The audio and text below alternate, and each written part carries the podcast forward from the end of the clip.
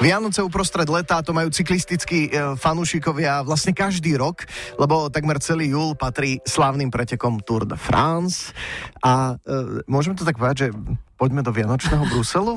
No, Vianočného. E, poďme do Bruselu, kde sa začína 106. ročník Tour de France a kde je aj náš Mark Matušica. Aktuálne informácie a to najzaujímavejšie priamo z Tour de France vám priváža nová Škoda Skala Simply Clever.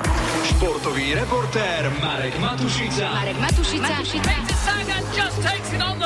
Zákulisí najslávnejších cyklistických pretekov.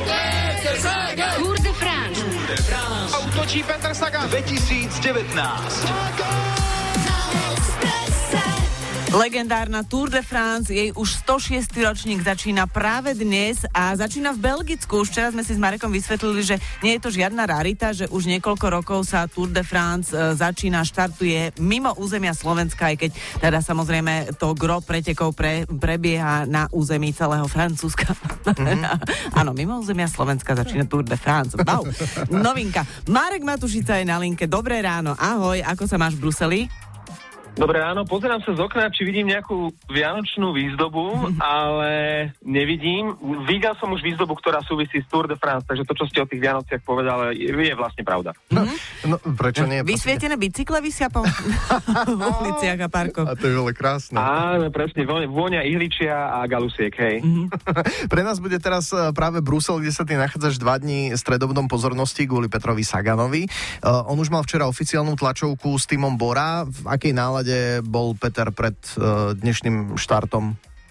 A mne sa zdá, že on má vždy dobrú náladu a tomu možno pomáha prežiť to obrovské šialenstvo okolo svojej osoby. Takže niekedy je síce trošku uštipačný, niekedy odpovedá jedným slovom, niekedy odpovedá otázkou, ale to všetko mu pomáha naozaj prežiť. Počas včerajšej tlačovky bol samozrejme najmä o neho najväčší záujem, najviac otázok sledovalo, smerovalo na neho. Niekedy chvíľku aj vyrušoval, potom sa ospravedlňoval, že netušil, že ďalšia otázka bude opäť pre neho. Samozrejme rozprával celý čas v angličtine a potom ešte po tlačovke sa venoval aj slovenským novinárom a nemohla samozrejme chýbať otázka, ako sa cíti, v akej je forme pred začiatkom celej túr. No všetko v pohodičke. Každý rok je konkurencia vysoká na Tour de France, hlavne tu na Tour de France a všetci tu prídu na 100% pripravení, takže držte palce.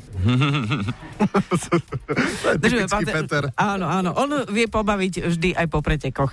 Eh, tým, eh, akým spôsobom komunikuje s novinármi. Je to, je to eh, jeho štýl, ktorý je nenapodobniteľný. Marek, ty už si na niekoľkom ročníku Tour de France po sebe. Je to stále také Saganovo šialenstvo, taký ten mediálny obrovský boom a záujem okolo neho? Mne sa zdá, že je z roka na rok eh, väčší. Niekedy si hovorím, chudák Sagan, ako toto on môže všetko zvládať. Pred chvíľou som práve čítal článok o tom, ako zvládajú, respektíve nezvládajú tenisti obrovský tlak vo Wimbledone. Častokrát sa na tlačovke priamo alebo na kurte rozplačú. A tam, kde ostatní slávni športovci, ktorí eh, majú takýto obrovský záujem, uh, plačú, tak tam sa Sagan smeje. Aj to možno mu pomáha celé to zvládať. Počas Tour de France je jeho jediným útočiskom ten tímový autobus, kde má konečne pokoj a môže sa cez tie uh, okná pozerať na stovky a stovky fanúšikov, ktorí sa na ten autobus tlačia a chcú ho aspoň na chvíľku vidieť, získať podpis alebo fotku. To sa samozrejme nemôže každému splniť a každému podariť. Ja ho obdivujem, ako dokáže aj sa sústrediť na výkony a zároveň uh, sledovať, ako všetci chcú ho aspoň na chvíľku vidieť a na chvíľočku mať od neho nejakú pamiatku. Takže samozrejme do toho mediálny záujem a novinári, ktorí mu dávajú stále tie isté otázky.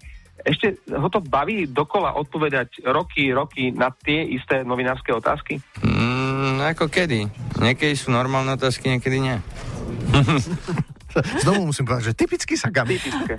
Marek, prosím ťa, pochvál sa. Ty máš selfie so Saganom? Z niektorých z minulých nezbieram ročníkov? Nie. Nie, nezbieram selfie, ani to, čo sa týka novinárov, nie je veľmi profesionálne, Mhm. mm-hmm. aby v tom priestore, kde uh, vlastne robia rozhovory so športovcami, si robili selfie, alebo, alebo si pýtali podpisy, takže nie. Nemám ani, ani nejak uh, potom veľmi netúžim. Túžim po rozhovoroch so Saganom a vlastne preto som tu, aby som nejaký rozhovor po tej etape získal. Nie selfie. To je Až sa super. mi žiada povedať, že to máš nejakú úchylku, lebo robí rozhovor so Saganom musí byť naozaj náročné. Vzhľadom na to, že on odpoveda jedným slovom, niekedy si z teba spraví srandu a, a V každom prípade to nie je nuda. Povedal, že, mm. hej, že si asi radšej vypýtam to selfie ako rozhovor, ale uh, to by som asi do vysielania veľmi nevyužil. No počúvaj, ešte k tej dnešnej etape, tá je vlastne úvodná, štartovná, tak eh, rovno z mosta do prosta otázka, má Peter šancu vyhrať tú dnešnú etapu? A ja si myslím, že by mu mohla tá prvá dnešná etapa mm-hmm. vyhovovať. Je rovinatá, má 192 kilometrov a v závere je také mierne stúpanie, čo je ako ušité Saganovi na mieru. Pôjde sa napríklad cez uh, St. Peter's Voluf, uh-huh. čo je mestečko, alebo skôr dedinka predmestie Bruselu, kde vyrastal najslavnejší cyklista všetkých čias Eddie Merckx. A pôjde sa aj cez Waterloo. Tak uh, dúfam, že na rozdiel od Napoleona to Sagan dnes zvládne a vyhrá. No a čo myslíš, bude ten zelený dres na záver? Aké sú šance jeho? A viem, že tá konkurencia je taká preriedená to, tohto roku však. Hovorí sa, že práve v súboji o zelený dres nemá veľkú konkurenciu, ale tri týždne.